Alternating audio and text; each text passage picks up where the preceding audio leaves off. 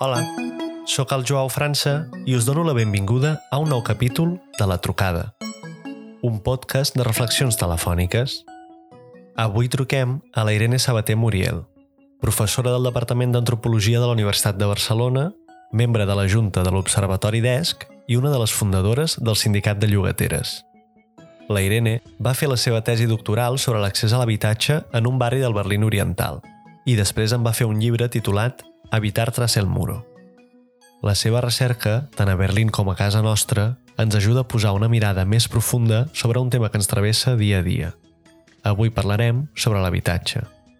Truquem a la Irene.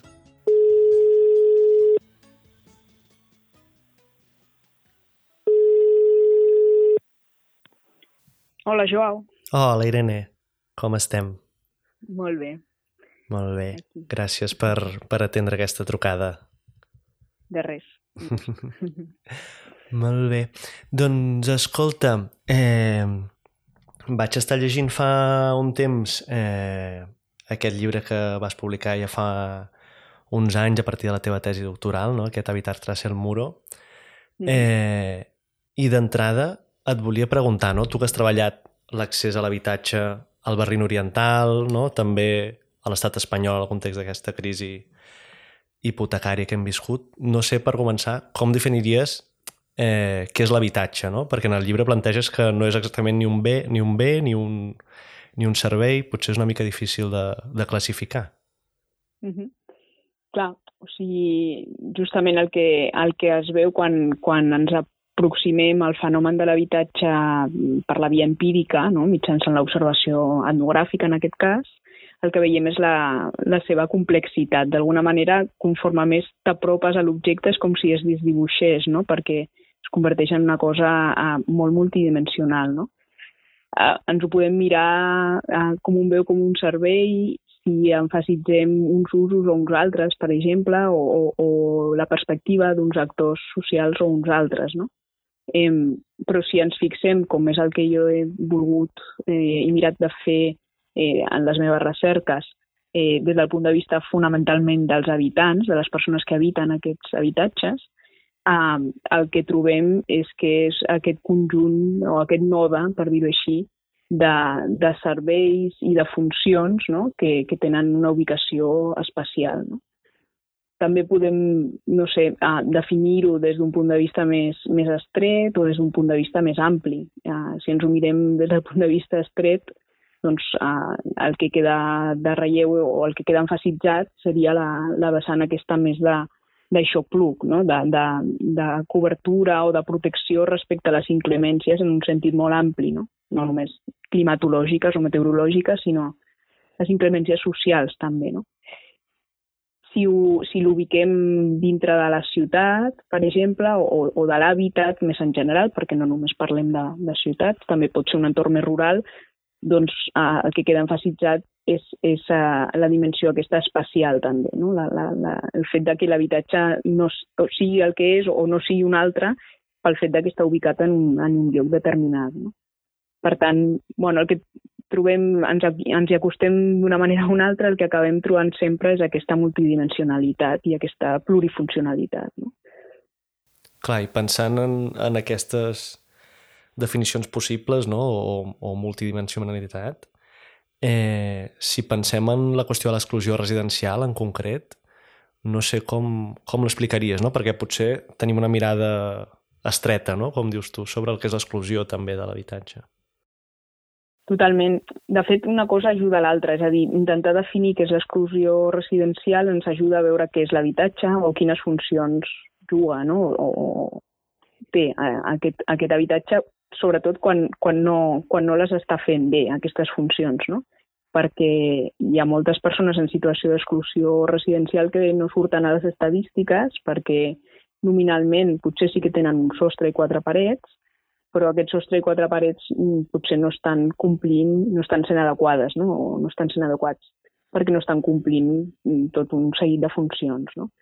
Uh, llavors hi ha com una mena de gradació, això també ho proposo en algun, en algun moment del llibre, eh, diguéssim, de, una gradació de en quina mesura un habitatge determinat o, o un allotjament, que seria, diguéssim, una, una versió, diguéssim, incompleta de l'habitatge, està complint eh, totes aquestes funcions o no. no? I clar, en l'extrem trobaríem les persones que estan en situació de sense llar, no?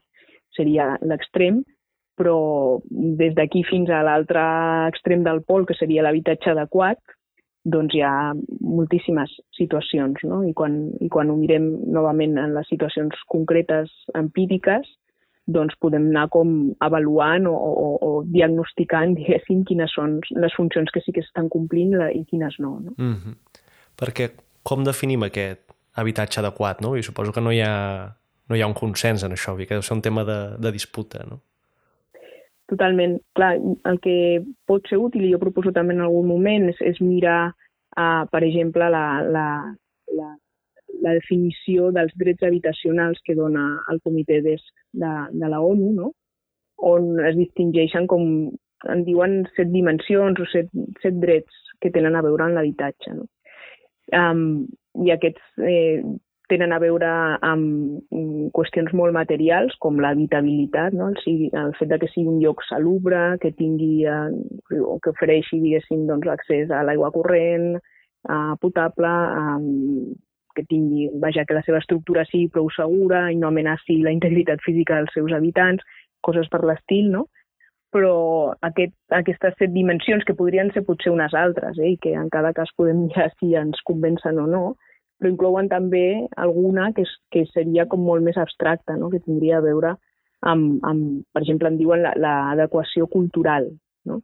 En quina mesura aquell habitatge en concret permet la pràctica cultural que els seus habitants, eh, o les pràctiques culturals que els seus habitants vulguin desenvolupar-hi, no? si és compatible o no amb això. No? Eh, per tant, és com una mena d'espectre molt, molt ampli, des de les condicions més físiques, materials estrictes, fins i tot arquitectòniques, no? eh, fins a aquestes altres consideracions que són fins i tot de caire més simbòlic o més cultural. I amb aquestes consideracions, és a dir, pensant en com, com els nostres estats, no? no sé, en el context europeu, entenen el que pot ser un habitatge digne, no sé si prenent com a criteri una cèdula d'habitabilitat, no? com a alguna cosa que pugui servir per definir què és un habitatge, quins d'aquests criteris diries que, que estan entrant i quins no estan entrant no? en, en aquesta definició? Què destacaries que queda fora? No? Mm -hmm. Sens dubte aquesta qüestió de l'adequació cultural segurament és la que queda fora més, més sovint, no? perquè bueno, està sotmès a controvèrsia, evidentment, no? Eh, hi ha com tota prestació pública, per exemple, no? si, si ens mirem l'habitatge social com, com una de les potes, el, el, el pilar tremolós que en diuen de l'estat de benestar en els estats socials europeus, per exemple, doncs eh, sempre és objecte de disputa, sempre ho ha estat, eh, fins a quin punt aquest habitatge social ha de ser eh, eh, cafè per a tots, d'alguna manera, ha de ser eh, estandarditzat i, i, i responent de manera objectiva a uns criteris de necessitats predefinides d'un grup domèstic donat, no? o si, pel contrari, eh, s'ha de promoure que les persones que, gaudeixin de, de l'accés a l'habitatge per aquesta via de l'habitatge social, doncs han de poder també dir la seva i autodeterminar en alguna mesura les seves condicions d'habitació, en aquest cas. No? Eh, per tant, eh, eh, sens dubte, hi ha, hi ha controvèrsia sobre això i, com et deia també, sobre quins serien els criteris i, i, els, i els aspectes que haurien d'estar coberts o quines necessitats haurien d'estar satisfetes. No? Perquè fins i tot quan es donen, ara estic pensant, per exemple, a casa nostra, no? i també en altres països europeus, les, les cooperatives d'habitatge, no? que serien aquestes de nova fornada, dic, eh? no? les, les, de, les grans promotores eh, de cooperatives de, de l'època de la transició anys 80 o així. Les, les, aquestes que ara, per exemple, a Barcelona proliferen i tal, i, i es promouen, moltes vegades, per exemple, eh, el que surt de processos de deliberació col·lectiva sobre com volen els, els i les habitants viure no? i com pensen el seu projecte de, de, de cohabitatge molts, molts cops, doncs pot ser que estiguin renunciant a alguns elements, eh, fins i tot no? alguns equipaments dintre de l'habitatge que normalment assumim que un habitatge ha de tenir, no? i perquè ho fan, diguéssim, en favor de que hi hagi, per exemple, més espais comuns o que certes funcions que habitualment s'atribueixen a, l'espai privat doncs es desenvolupin en un espai comunitari. No? Per tant, és, un, com, és com un viatge d'anada i tornada també en aquest, en aquest sentit. No? Clar, i amb aquesta qüestió de les, de les cooperatives, tu en el, o sigui, la recerca de la, de la tesi vas treballar també sobre models de cohabitatge a Berlín, no? I en el llibre hi ha un element que, que incorpores o que comentes que em sembla important, que és, que és qui pot tenir accés també en aquests models, no? Perquè em sembla un model interessant, però que alhora té moltes barreres no? d'accés a nivell doncs, tant econòmic com d'altres tipus de, de capital, no? Sí, sí. O sigui, d'alguna manera, segurament és una de les formes d'accés a l'habitatge que poden resultar menys legibles a primera vista, perquè requereixen per part de les persones que hi vagin a viure doncs, una comprensió sofisticada, anem a dir, de, de les pròpies relacions i, i, i de les pròpies condicions o el marc jurídic fins i tot de, de, dels drets que adquireixen i les obligacions que assumeixen, eh, etc. No? Resulta com menys legible que una compra-venda o, un, o un arrendament eh, tradicional. No?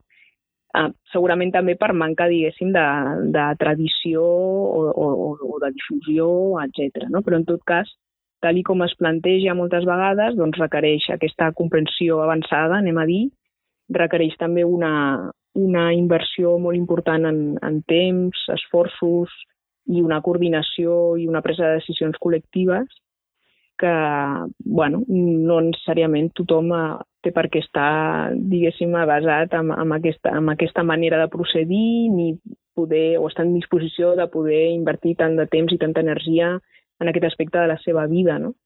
Perquè, eh, bueno, llavors el que trobem moltes vegades és que en aquests projectes els perfils de les persones que hi participen doncs, són força uniformes, no? Eh, i això és quelcom que es pot potser revertir o com a mínim mitigar eh, doncs això, donant més difusió al model, eh, promovent-ho des de les instàncies públiques que tenen més visibilitat o més capacitat de difondre, eh, acompanyant la gent que d'entrada no tingui aquesta inclinació eh, i oferint-los la possibilitat, etc. Però tot i així, el que es dibuixa ràpidament és una, és una distinció no? o una, o una mena de, no sé com dir-ho, de, de, bueno, això de, de, de, de barreres d'entrada que per a alguns col·lectius socials poden ser directament insuperables. No? Clar, no sé si coneixes casos concrets no? de d'altres països o altres llocs on això estigui més, potser més incorporat, on hi hagi tota aquesta feina de, de facilitar l'accés. Bueno, no sé si coneixes o destacaries alguna experiència en aquest sentit. Sí, bueno, hi ha, hi ha els països eh, dels quals es parla més sovint on, on aquest fenomen està molt més estès i té molta més tradició, no? com és el cas danès, eh, i fins i tot algun cas a Amèrica Llatina, com l'Uruguai, per exemple, no? on també el model cooperatiu té un, una trajectòria molt llarga i, i, i molt establerta, i segurament tant per la, o sigui, la, la dimensió temporal és important, el fet de que aquestes pràctiques es, eh, es, es converteixin en tradició eh, és una qüestió de temps, però també el volum eh, de parc d'habitatge, eh, diguéssim, que està acollit a aquesta modalitat, a aquesta forma de tinença, doncs suposo que també eh, hi té un pes, no? I el fet de que a casa nostra sigui encara tan minoritari, doncs eh, bueno, mm, redunda, diguéssim, en aquesta manca de, de legibilitat, no? aquesta, aquesta dificultat per comprendre què és el que implica i, i, i, què, i què se'm demana no? per poder participar en un projecte d'aquestes característiques. Eh, segurament això seria, i per suposat, clar, el marc legal que aquí tot just s'està desenvolupant no? i que en altres llocs doncs, està com molt més establert. No? Abans comentaves aquesta idea no? de l'habitatge com quelcom que ens protegeix de les, de les intempèries no només climàtiques, no? Eh, clar, la gent que, que ens hem apropat d'una manera o una altra a la qüestió de l'habitatge, una cosa que te n'adones de seguida és que l'habitatge és com la porta d'accés a, a altres drets, no? No sé quin impacte té té això, no? El llibre dius això, no? Que, que atorga la condició de, de ciutadania al final, no? El fet de tenir un habitatge. En bona mesura, sí, sí. El dret a l'habitatge, de fet, és que està absolutament en xarxa amb, amb tot d'altres drets, no? L'accés a, a la sanitat o a l'educació, la ciutadania en el seu conjunt, no? La, el fet de poder um, acreditar que s'està domiciliat no? en un lloc eh, eh, és, és com condició sine qua non per exercir altres drets, no? Però fins i tot això seria com en el marc aquest o en l'àmbit, en el plànol més, més de, de la legalitat i dels entrebancs burocràtics que poden trobar les persones que es veuen forçades a, a moure's contra la seva voluntat de manera, de manera freqüent, no? Uh, però fins i tot també des d'un punt de vista um, sociopsicològic, per exemple, no? com l'habitatge actua una mica com un encoratge a, a la ciutat, no? I, bueno, clar, el vincle directíssim entre el dret a l'habitatge i el dret a la ciutat, el fet de que, de que algú uh, sàpiga que, que, té, que, té, que té casa, diguéssim, en algun lloc, el converteix en algú més capaç de, de vincular-se amb l'hàbitat, eh, amb, amb el barri o amb la ciutat en el seu conjunt i, per tant, també més capaç de, de reivindicar altres, altres elements. No?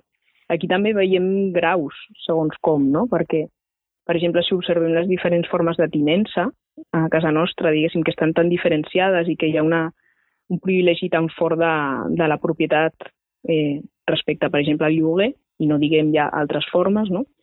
Doncs veiem com eh, en la determinació de com vivim, per exemple, també a nivell d'una escala, no? eh, tenen molta més veu les persones propietàries que, que els inquilins i inquilines. No? eh, que no estan ni convidades a, a les reunions de, de comunitat, no? a les assemblees de veïnes. I, i això, eh, que sembla una cosa gairebé nímia, no? que no, té moltes, moltes conseqüències. Eh, no només pel que fa a decidir si canviem o no l'ascensor, sinó també pel que fa a sentir-se a casa teva o no, sentir-te a casa teva o no, o, i sentir-te en disposició de reclamar alguna cosa, no? Clar, que, que aquí hi ha com uns, diguéssim, un plantejament molt, molt clàssic, no? Vull dir, marxista en el sentit de, de quin tipus de valor eh, es posa per davant, no? Mm -hmm, totalment, clar. Eh, els propietaris, aquesta cosa que, de fet, aquí donem per sentada i que ens sembla que és com la norma i que en altres països eh, no és tan freqüent, que és això, el owner-occupier, no? la, la persona que viu eh, en el lloc que posseix, no? aquesta idea de tenir un pis i viure-hi. No? doncs eh, aquest, aquest, aquesta persona o aquest, aquest subjecte en principi és qui té el, el control, suposadament, sobre, sobre, el, sobre el bé, no? Eh, i qui pot prendre decisions i que a partir d'aquí, eh, eh, diguéssim, fa efectiu el valor que té aquest, aquest habitatge des dels dos punts de vista, des del punt de vista del valor d'ús i des del punt de vista del, del valor de canvi. No? Però ens trobem tot d'altres situacions en què el valor d'ús i el valor de canvi, que té a veure amb la propietat eh, i amb el mercat, evidentment, doncs eh, entren en contradicció o com a mínim estan en tensió totalment, eh, o sigui, contínuament de forma potencial com a mínim, no? encara que no hi hagi un conflicte obert. No? I aquí és on, eh, diguéssim, de tant en tant esclaten aquests conflictes. No? Clar, jo amb això penso en, en una cosa molt, molt senzilla, no? i suposo que, que tu has trobat i, i més estan al sindicat de llogateres, no? de dir el, el fet de no tenir seguretat de si podré estar a casa meva d'aquí un any quan se m'acabi el contracte, no? en el meu cas menys d'un any ara ja, eh, clar, fa que la teva relació amb l'espai canvi també, no? Jo pintaria les parets o canviaria no sé què, però com que no tinc la seguretat d'estar vivint aquí, no? al final ho acabo mesurant amb aquest, amb aquest criteri, no? de dir aquesta inversió no val la pena, tot i que jo viuria millor el temps que visqui aquí si la fes. No? Totalment. Clar, el que veiem és que, que el, una cosa és, diguéssim, com són les relacions de propietat i, i una altra cosa seria el que podem dir doncs, la vinculació o l'apropiació que fem dels espais. No? I de vegades això pot anar de la mà, és a dir, m'ho apropio perquè per una banda sóc propietària i per altra banda doncs ho modifico i ho adapto al meu gust o a les meves necessitats, etc. Però també trobem situacions en què, sense ser propietari, eh, ens, ens n'apropiem, no? Eh, I això pot ser, per una banda, per suposat, tot el que té a veure amb el pas del temps, no? el fet d'haver de portar molts anys en un habitatge, encara que no sigui de la teva propietat, doncs et pot portar a sentir-te el teu i dir que és casa teva. Eh, I també tot el que té a veure amb les modificacions, aquestes que en, en alguns casos pots renunciar a fer o, o decidir no fer perquè no val la pena, però en altres casos decideixes que com que hi vius les faràs igualment. No? I això jo m'ho trobava molt a, a Berlín quan, quan entrava a les, als pisos de gent que portava dècades vivint-hi i que eren inquilins, no? però venien d'una època en què hi havia hagut molt poquetes iniciatives de, de rehabilitació o fins i tot de manteniment mínim dels, dels pisos perquè estaven gestionats per la immobiliària comunal de Berlín però no, no eren propietat. Els propietaris normalment estaven, o molt sovint estaven absents de, de de l'Est, de la RDA, i, i en absència, diguéssim, de la propietat, doncs hi havia una gestió mínima, però no hi havia inversió en manteniment i tot això de manera que la gent eh, doncs prenia la iniciativa i anava adaptant, no? i passaven les dècades, estem parlant de moltes dècades. Eh, I s'ho anaven com actualitzant, no? i potser doncs, acabaven instal·lant una mica de calefacció de gas en comptes de les, de les estufes de carbó o canviaven el terra o fins i tot instal·laven lavabos o banyeres quan no n'hi havia, no? I, i aquesta gent, en el moment que, que es privatitza o que apareixen els, els antics propietaris o els seus hereus reclamant la propietat i apareix tota la maquinària d'un nou mercat immobiliari, eh, doncs veuen, diguéssim, com tot això que ells han fet, totes aquestes accions eh, d'anar construint-se a casa seva, doncs queden en no res, no? perquè tot això no val, o fins i tot de vegades juguen la seva contra, no? perquè aquestes millores, aquestes actualitzacions, de vegades són menyspreades o de vegades eh, es converteixen en una excusa per reclamar pujades del lloguer. No? Eh, I aquí es veu novament aquesta tensió que comentàvem entre, entre el valor d'ús i el valor de canvi. No? Eh, de sobte, aquestes millores eh, juguen en la teva contra i tu les havies fet doncs, per estar millor i perquè era casa teva. No? Clar, perquè en tot aquest procés, diguéssim, la gent que està apropiant-se, no, diguéssim, del, del lloc on viu, tot i que no en sigui propietària. Eh, o sigui, aquesta situació, no?, en què no hi ha inversió i que són les mateixes persones que hi viuen qui ho estan acondicionant, diguéssim. Eh, clar, quina relació genera amb, amb l'espai, no? I, i com, com de diferent és amb, amb, la, amb, la, amb la relació que apareix després amb el canvi de model. Mm -hmm eh, diguéssim, en una situació de mercat mm, dinàmic de l'habitatge, de, de mercat de lloguer on, eh, diguéssim, hi ha pocs, poques eh, garanties pels, pels inquilins i, per tant, pot haver-hi pujades de lloguer, eh, pot haver-hi mudances no desitjades, expulsions, etc. Uh, la, la relació o el vincle entre, entre les persones i, i, i els habitatges doncs és molt més feble, no? és molt més trencadís. Eh, en canvi, quan hi ha una certa garantia de poder planificar i poder pensar cap al futur i veure's a un o a una mateixa en el mateix pis durant molts anys, etc, doncs d'alguna forma la, la relació s'enforteix. No? I això es veu, es veu molt clarament també a casa nostra ara mateix quan tenim persones, per exemple, que, que estan en, en litigis i en conflicte perquè han, per exemple, patit una execució hipotecària han perdut la propietat del pis però continuen vivint-hi perquè han aconseguit un lloguer assequible, social, no? que en diuen, eh, però ara també tenen problemes per renovar aquests contractes de lloguer, etc. No? Estic pensant en aquest perfil de, de gent, per exemple, que trobem sovint a la PA. Eh, aquesta gent viu aquell pis com casa seva, absolutament, i no ha canviat gaire cosa pel fet de que deixi, hagin deixat de d'aparèixer a, a l'escriptura del pis. No? Eh, la, la, la qüestió legal, burocràtica, etc és molt secundària respecte a la vivència que aquestes persones tenen del pis i si perden ara el lloguer social i realment acaben expulsades, eh, ho sentiran com una pèrdua amb la mateixa o més intensitat eh, que, que haguessin sentit si l'haguessin perdut en el moment de l'execució. Eh, fins i tot la lluita d'anys, diguéssim, per, per romandre a casa seva fins i tot pot ser que els hagi vinculat més amb, amb aquest pis, identificat més amb aquest espai, no? segons com, perquè és un espai de resistència. Clar. I en l'altra banda, diguéssim, de, de l'espectre, comentaves abans, no?, el fet de eh, que la gent es vegi forçada a, a canviar el seu habitatge, no?, cada poc temps. I en el llibre apareix un concepte que em va, que em va cridar molt l'atenció, que és aquesta idea de l'autodeterminació a les condicions d'habitatge, no? No sé si ens podries explicar una mica què és això, que entenc està una mica allunyat de com es pensa l'habitatge en la nostra societat ara mateix, no? Sí, totalment. Bueno, tenim en tot cas una, una visió com, com una mica matossera d'aquesta autodeterminació, no? perquè té a veure segurament, o, o la gent pensa que es pot autodeterminar les seves condicions d'habitació eh, quan compra. Si compro m'ho faig com jo vull, no? o jo trio on comprar, quan en realitat si ens ho mirem de manera crítica i una miqueta més objectiva el que veiem és que comprem, si, si arribem a comprar, que evidentment no tothom hi arriba, eh, ho fem on podem i com podem. No?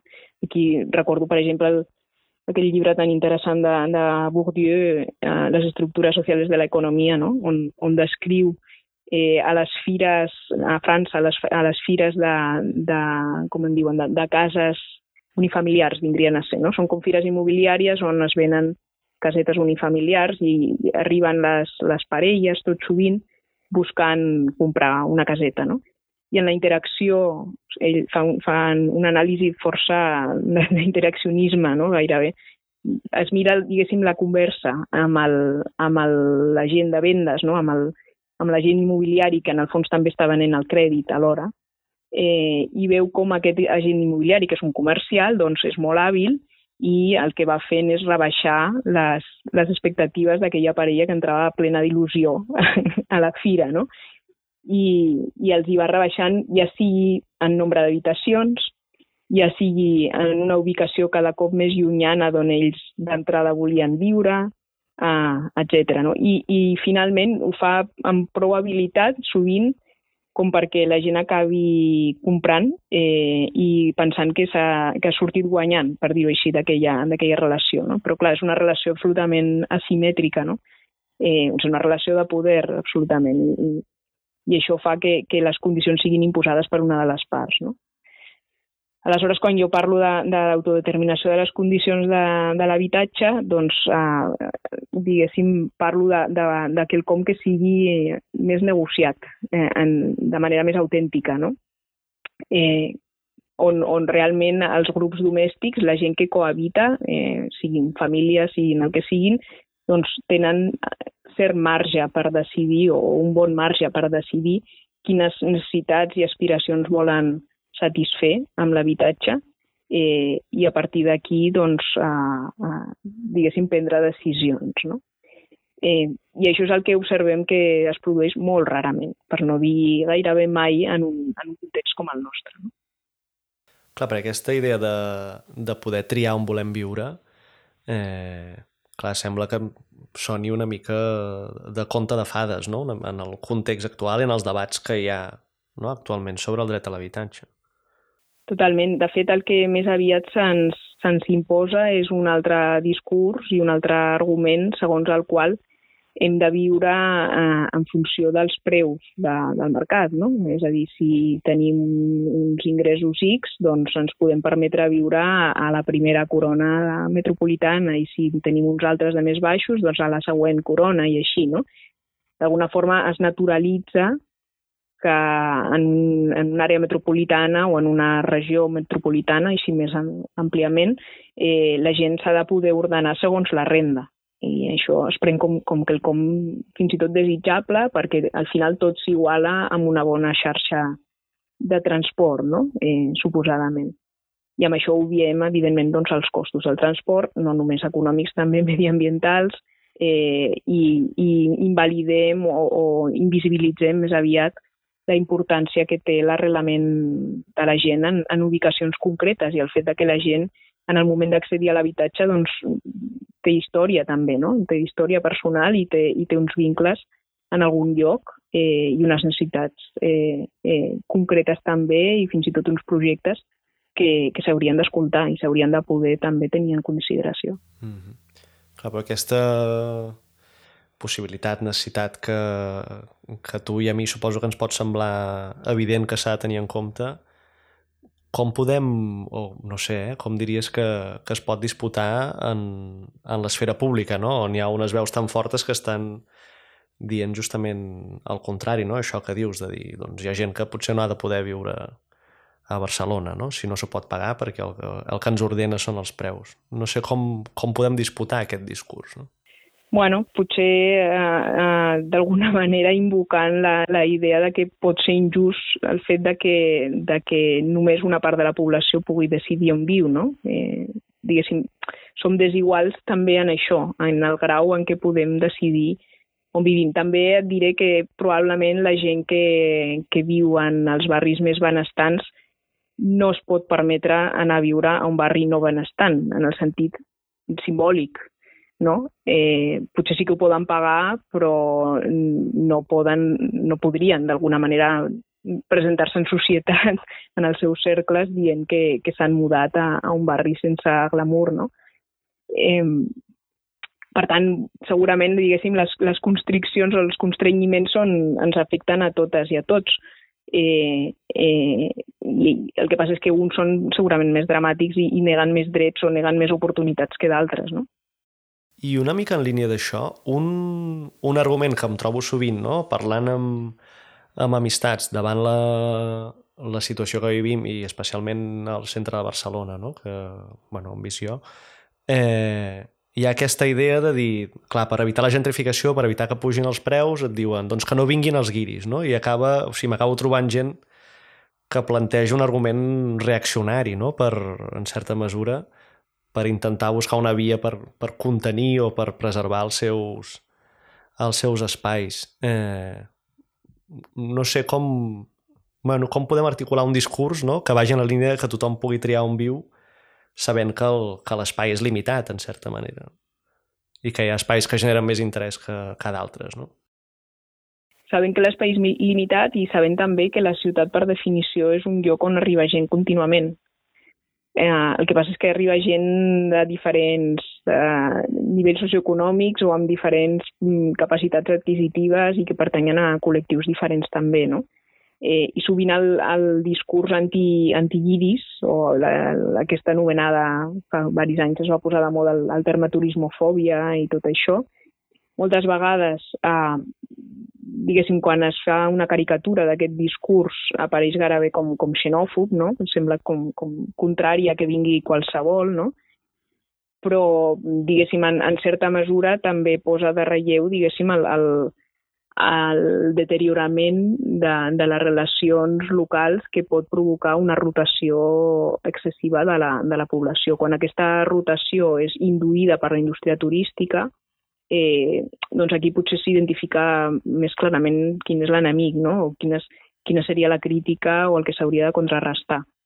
Quan el que està produint aquesta rotació forta de, dels habitants és, és el propi mercat immobiliari que fa que certs barris es converteixin en la porta d'entrada de la ciutat i, i que estiguin degradats i que, siguin, que estiguin estigmatitzats i que no sigui desitjable per la gent quedar-s'hi ma, massa temps si ho poden evitar, Aleshores, aquí el tipus de, de reacció o d'acció que es podria fer o d'intervenció té més a veure amb curtcircuitar d'alguna manera a, a, als interessos econòmics que també hi ha en aquests barris aparentment degradats, eh, etc. No? que són molt rendibles també, tota aquesta indústria de la pobresa o aquest, aquestes, aquesta, aquest mercat del lloguer i del relloguer subestàndard, no? sense de l'infrahabitatge, etc. No?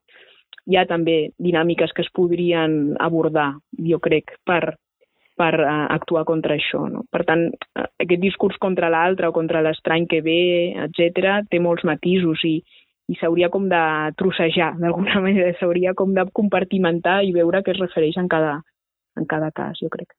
I quan parles de, de curtcircuitar aquestes dinàmiques, en què penses ben bé?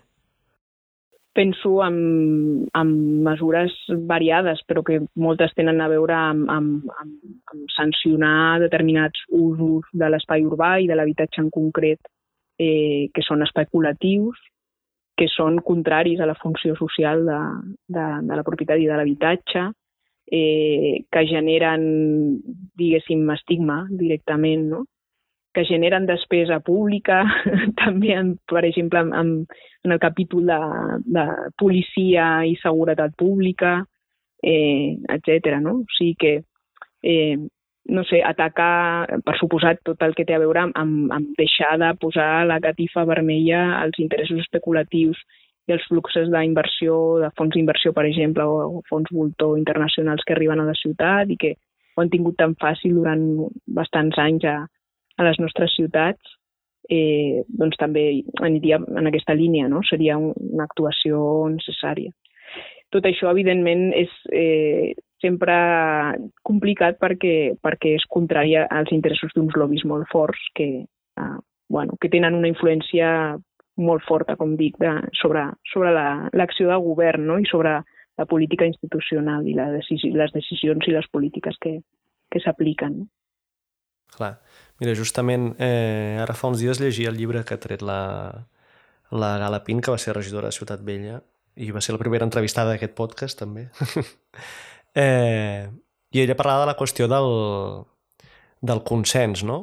Que, que ella es trobava que quan estava a la institució li exigien que, pren que prengués les mesures, les decisions, amb consens, però deia, aquest consens al final el que vol dir és escoltar les veus dels de sempre, no? perquè ha veus que no, que no estan incorporades en, en aquest consens. I en el cas de l'habitatge potser és un cas especialment flagrant, no? de que hi ha unes veus que s'escolten més que les altres, és a dir, que, que la gent que viu en general no s'asseu a la taula, no? Ara potser amb el sindicat de llogateres, amb la PAE des de fa uns anys, és quan ha començat a seure algú que podia representar d'alguna manera la gent que, que hi vivia, no? Totalment. O sigui, el que, el que sembla és que, que la, la política d'habitatge, per exemple, i les polítiques urbanes en general, eh, tenen com una mena de tònica general, que és eh, anar en la direcció dels grans interessos econòmics, no? molt forts, eh, que tenen tot de dispositius de pressió quan, quan, quan volen que, que el, el, el, el volant, diguéssim, de la política institucional giri i que sigui una mica, no?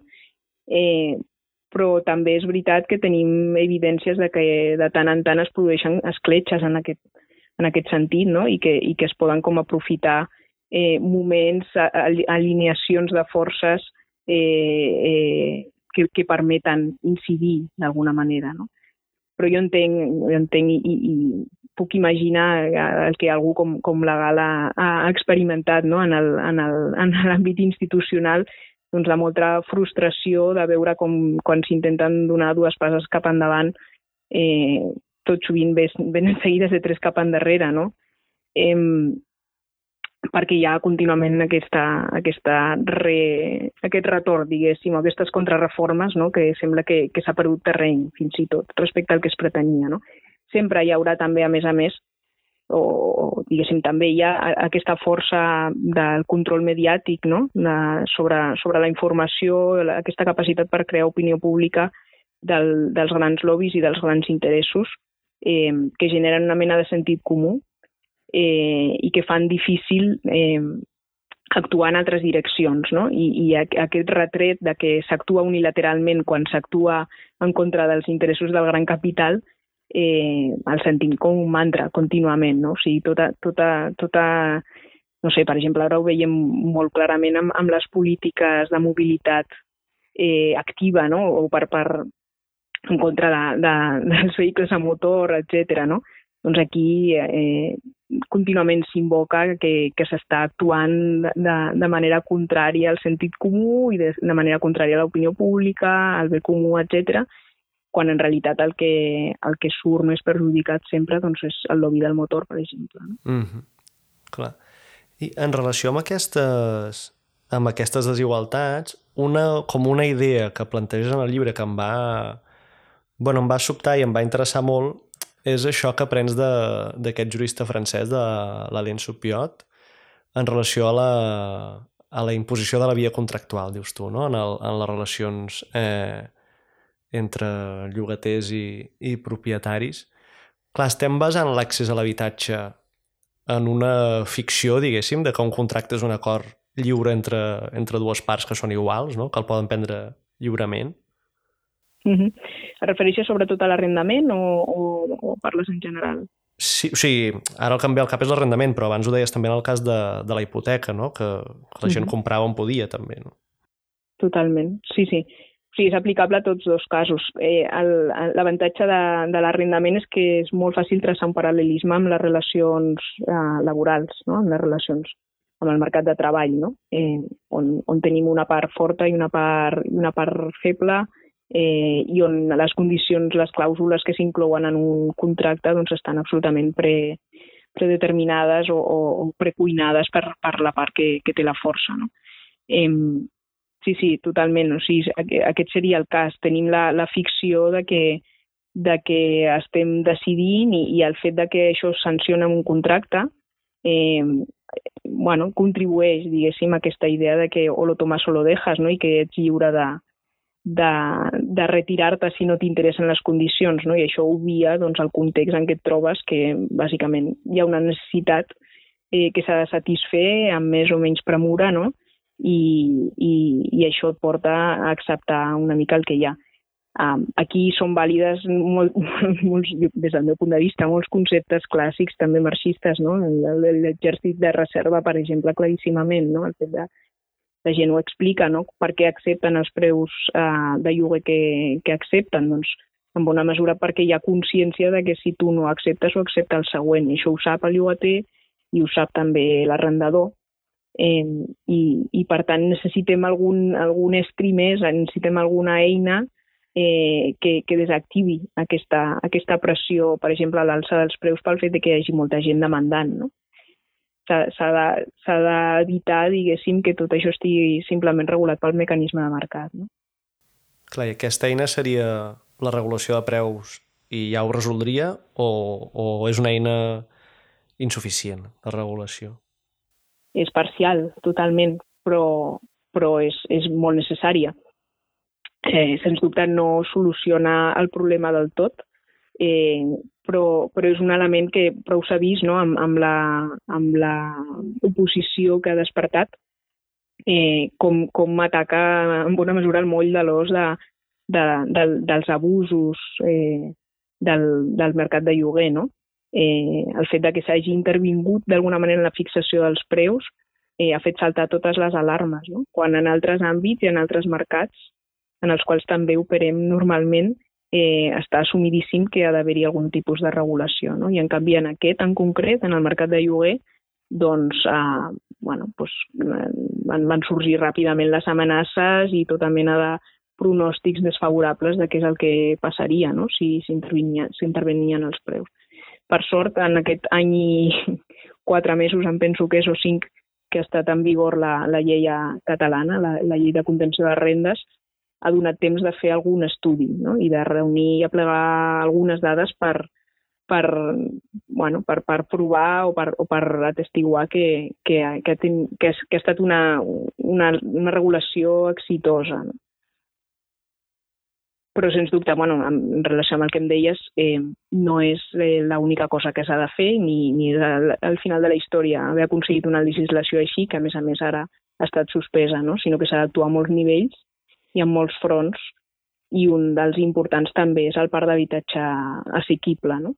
eh, que sempre, si és a, per promoció pública, si és per iniciativa de, de les administracions públiques, doncs eh, sempre serà només una petita part del parc, no? eh, però que si arriba a tenir un volum, un volum suficient, doncs acaba tenint pes i acaba contrarrestant també les, les dinàmiques especulatives. No? Mm -hmm. Doncs, Irene, portem uns 40 minuts ja de, de conversa. Per anar acabant, eh, i potser, bueno, està relacionat i alhora, i alhora potser salta una mica de, de tema, no? però amb aquesta qüestió del, del contracte i de voler complir no? amb els nostres compromisos i, i pagar els deutes, en el cas de la crisi hipotecària aquí a l'estat espanyol, tu vas treballar amb gent que havia deixat de, de pagar la hipoteca i en general, no, en la meva relació amb la, amb la plataforma Fatales per la Hipoteca també m'ho he trobat, no, que, que no és una decisió fàcil, no, el fet de deixar de, de pagar, de trencar aquest, aquest pacte no, o, o aquest compromís. Com, o sigui, què és el que permet no? que en un moment determinat en què realment no hi ha alternativa la gent prioritzi altres despeses i, i deixi de pagar la, la hipoteca. No? Com equilibrem eh, aquests compromisos, per dir-ho així? Clar, el que, el que veiem des d'un punt de vista en fi, de, de la tradició de l'antropologia econòmica, etc, la, les relacions d'endeutament estan fortament moralitzades. No? El, el deutor és algú que és sospitós fins que no saldi el seu deute, no? moralment sospitós. Aleshores, aquesta, aquesta sospita moral plana sobre, sobre els deutors i, i els, i els eh, força o els, o, els, o els porta, diguéssim, a prioritzar el pagament dels deutes sobre, sobre altres elements. Això pel que fa als deutes en general, no només als hipotecaris. Clar, si a més a més ens, ens fixem en els hipotecaris en concret, eh, que tenen a veure amb, amb el manteniment de, de, de l'habitatge o, o diguéssim, o amb, o amb la consecució, si volem, d'un habitatge de propietat que a més a més esdevé un patrimoni que és transferible després a la següent generació i per tant és un signe també d'èxit social, en fi, tots els significats que, que porta, no? Eh, doncs renunciar o decidir aquest mes no pagaré la hipoteca perquè he de, bueno, he de donar de menjar als meus fills o he de comprar llibres per les escoles, doncs eh, és, un, és un moment com molt clau, és un, una mena de punt d'inflexió, almenys en els relats de les persones amb qui he tingut oportunitat de parlar, no? el moment en què van decidir doncs, que, no, que no pagarien més mentre eh, no hi hagués altres necessitats assegurades. No? És, és un moment molt delicat i que, a més a més, obre de sobte un altre camp, no? un altre, unes altres perspectives. Què fem a partir d'ara? No? I, I, o sigui, què és el que el que marca aquesta inflexió, no? El fet, o sigui, suposo que la necessitat, però, però no sé què és el que canvia no? en, aquest, en aquest moment. És un moment en què algunes persones expliquen que s'han sentit alliberades. Normalment no és, no és eh, diguéssim, immediat, no és en el moment que comencen a tenir dificultats econòmiques deixen de pagar, sinó que pel contrari eh, passen mesos i anys eh, patint molt per continuar pagant. No? Eh, de vegades també entrant en negociacions eh, perdedores amb el banc eh, perquè eh, bueno, els hi han fet, per exemple, aquestes renegociacions, aquestes refinanciacions eh, que es tradueixen en un allargament del, del termini de devolució i més interessos, etc. Eh, I després arriba un moment en què tampoc això ho poden assumir. No? Eh, moments també o temporades prèvies no, en què han renunciat a, a moltes coses. Eh, cap mena, diguéssim, de despesa extra, fins i tot a, a apretar-se el cinturó en el més bàsic eh, per poder pagar la hipoteca. No? I finalment arriba el moment en què ni tan sols amb això s'aconsegueix eh, continuar pagant. No? Per tant, és un moment de, de sentiment de fracàs, de frustració, de vergonya, etc. però també, eh, a partir d'aquell moment, si això s'acompanya bé, diguéssim, d'un activisme i d'un empoderament, doncs es pot convertir també en un, en un moment eh, d'alliberament, no? De, de dir, bueno, ara aquells, no sé, els que fossin, 1.000 euros que havia de, de satisfer mensualment, ara són per, per, una, per una altra cosa, no? per una cosa que jo prioritzo. No? I això ho he decidit jo, a més a més. No? I des d'aquest punt de vista, algunes persones ho narren com un moment d'alliberament. I potser en relació amb això, eh, o no sé si li veuràs la, la relació, però penso ara fa, fa un any, no? quan es complien 10 anys del, del 15M, no? se'n va parlar molt i jo en alguns espais em van preguntar sobre aquest tema, i jo, per exemple, deia una cosa, no? dir, doncs els bancs, abans d'aquella època, especialment abans de la crisi hipotecària, no? eh, pues semblaven un espai... Bueno, hi havia un respecte pels bancs, no? i ara potser hi ha un sentiment més més extès de que els bancs són, són dolents o són perillosos o que hem d'anar en compte. No sé si eh, aquestes, no, aquests, aquest, aquest deixar de pagar o aquest canviar de perspectiva s'allarguen el temps o té efectes més profuns, no? Si hi ha un... No sé si en els, amb les persones amb qui has treballat, si hi ha un, un anticapitalisme que s'extén per altres vessants de la vida o és molt concret, no? Si, si es queda amb aquesta, qüestió de l'habitatge i del deute hipotecari. No sabria dir-te si, si ens, es pot parlar d'aquesta experiència, o sigui, en termes a escala de tota la societat, no? perquè quan parlem amb persones afectades per aquests processos, evidentment són un col·lectiu concret dintre de la societat, amb una història també concreta, no? Però sí que eh, el que em crida molt l'atenció en el relat d'aquestes persones, algunes de les quals potser no necessàriament han passat per l'experiència crua de, de l'execució, simplement han vist el fantasma d'aquesta possibilitat o així, no? Eh, I parlant també, i això és molt, crec, una, una cosa molt interessant, parlant amb persones que estaven de l'altra banda, en primera fila, en primera línia, no? com, com poden ser, per exemple, empleats de banca sense cap càrrec alt, eh? gent que estava a les oficines i que observava aquestes situacions i de vegades havien d'executar ordres. No?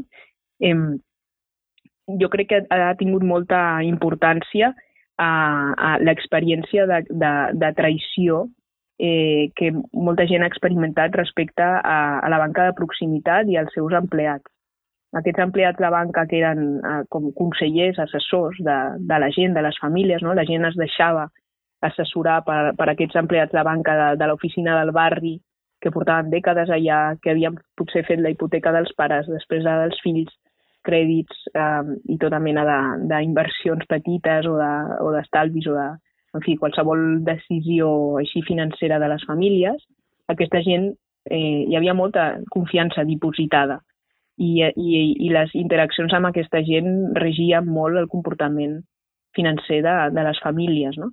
I això sí que, això sí que m'atreviria a dir que s'ha trencat bastant.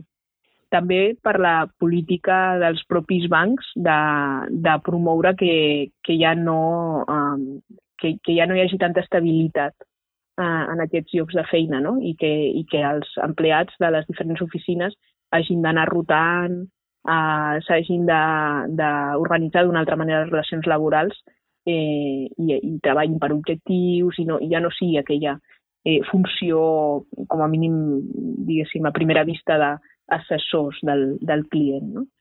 Eh, el model, diguéssim, d'atenció al client ha canviat radicalment en els darrers anys. Hi ha hagut, a més a més, tota la, tota la, la, les fusions bancàries i tots els canvis en tota l'estructura bancària del país, no? Eh, I això, eh, ja dic, ha danyat molt la relació aquesta de confiança que, o, la, o la confiança que hi havia dipositada amb aquests empleats.